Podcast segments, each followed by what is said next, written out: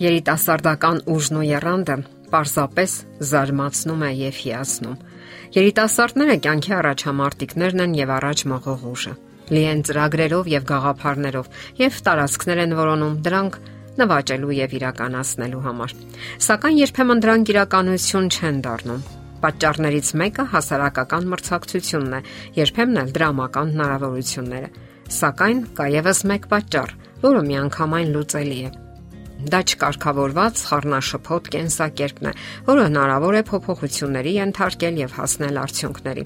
Հոգեբաններն ասում են, որ օրագիր պահելը օգտակար է հոգեբանական առողջության համար եւ խորհուրդ են տալիս կազմել գործերի, անելիքների ու պարտականությունների ցուցակ։ Այդ ցուցակի մեջ են առօրյական, միապաղաղ կամ այսպես ասած, ձանձրալի գործերը օրվա առևտուրը, գնումները։ Շատերն իհարկե գերադասում են այդ բոլոր տեղեկատվությունը պահել իրենց գլխում, սակայն ինչպես ասում են հոգեբանները, միանգամայն իզուր։ Այն տպավորությունն է, որ մարդիկ բաժանվում են երկու խմբի։ Առաջին խմբում այն մարդիկ են, ովքեր չեն կարող պատկերացնել իրենց կյանքը առանց նշումների եւ յուրաքանչյուր կատարած գործի կողքին նշում են, որ կամ կատարված է, կամ չի կատարվել։ Մյուս խմբում այն մարդիկ են, ովքեր հիանալի հիշում են ամեն ինչ։ Նրանք գիտեն, թե ինչ պետք է անեն այսօր, այս շաբաթ, գալի կամսում։ Ընդ որում, նրանք ծածկագրի կամ նշումների կարիք չունեն։ Հոգեբանները վստահ են, որ ցուցակ կազմելը ոչ միայն ժամանակի խնայողություն է, այլև հիանալի առողջական, այսպես կոչված միջոցառումների շարք։ Նման ցուցակներ կազմելը ընդհանրապես սկսվում է դպրոցական նստարանից Դպրոցականները նշում են տնային առաջադրանքները, իսկ երբ գնում են ճամբարների կամ ճանապարհորդության, նշում են անհրաժեշտ իրերի ցուցակը, որpիսի ոչինչ չմոռանան, եւ դրա մեջ ոչ մի ամոթ բան չկա։ Հարկավոր է չմոռանալ օրինակ արևապաշտպան ակնոցները, արևային այրվածքների դեմ քսուկները, լողազգեստը եւ ամենատարբեր մանրուքներ։ Հարցն այն է, որ մենք չենք կարող ապրել առանց այդ հաշվարկների կամ ցուցակների։ Ռեստորաններում գոյություն ունեն ճաշատեսակների եւ ըմպելիքների ընտրությունների ցուցակներ։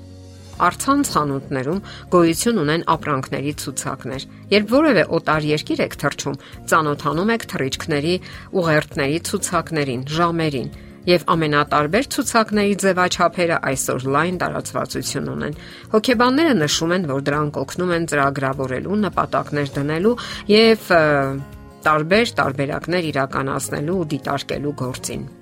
Harvard Business Review ամսագրում տպագրված հոդվածի համաձայն ցանկացած մարդ ժամանակի յուրաքանչյուր պահի ունի մոտավորապես 15 ընթացիկ առաջադրանք եւ այնքան էլ հեշտ չէ դրանցից յուրաքանչյուրը գլխում պահելը։ Եվ այսպիսի պահերին է, որ օգնության է գալիս օրագիրը։ Իսկ ինչով են օգտակար օրագրերը հոգեբանության համար։ Ցուցակները թույլ են տալիս կազմել գործողությունների ծրագիր, որpիսի միաժամանակ վերահսկեն տարբեր առաջադրանքները, չծանրաբեռնելով հիշողությունը անկարևոր տեղեկատվությամբ։ Դա ըստ էության ճանապարհային քարտեզ է, որն օգնում է արագ ու արդյունավետ կատարելու աշխատանքները։ Ուսումնասիրելով յուրաքանչյուր առաջադրանք, լինի դա հատակի լվացում, թե հոդված գրել, մենք կարող ենք կողմնորոշվել, թե որքան ժամանակ կծախսվի դրա վրա եւ թե հատկապես երբ է հարմար զբաղվել դրանով։ Եթե օրինակ դուք արտույտ մոտ եք եւ վաղ եք արթնանում, ապա տրամաբանական կլինի ամենադժվար ու բարդ առաջադրանքները նշանակել առավոտյա։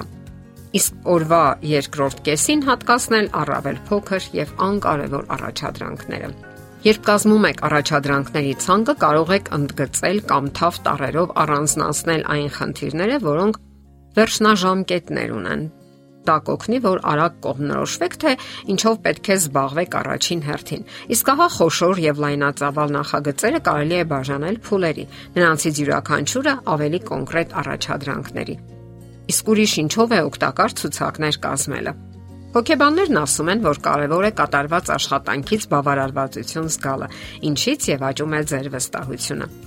Եթե դուք ավարտված գործի կողքին դրական նշան եք դնում, ապա ձեր օրգանիզմում ոչ մեծ քանակի դոֆամին հորմոն է արտադրվում։ Դուք նաև ցանկություն եք ունենում ավելի մեծ ու բարդ գործեր նախաձեռնել։ Տեսնելով թե ինչպիսի հաջողությամբ հաղթահարեցիք այդ առաջադրանքը, որքան սոցիալական առավելություններ ստացաք գործընկերներից կամ պարզապես շրջապատից, դուք պատրաստ եք կրկնել այդ փորձառությունը եւ նույնիսկ գերազանցել ինքներդ ձեզ։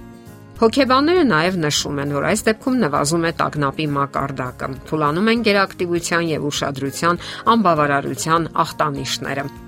Զարմանալի չէ, որ ցուցակներն օգնում են կարգավորելու մտքերը եւ հիշելու առաջադրանքները։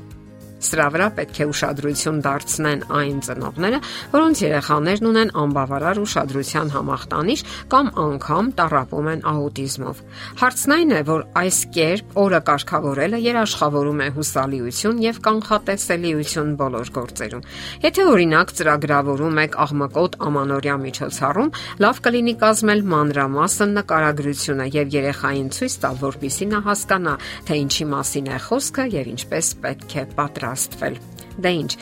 Կատարեք ձեր առաջադրանքները սահուն եւ ներդաշնակ եւ մի կասկածեք, որ դրանք հաջող ելք կունենան։ Եթերում է ճանապար երկուսով հաղորդաշարը։ Հարցերի եւ առաջարկությունների համար զանգահարել 033 87 87 87 հեռախոսահամարով։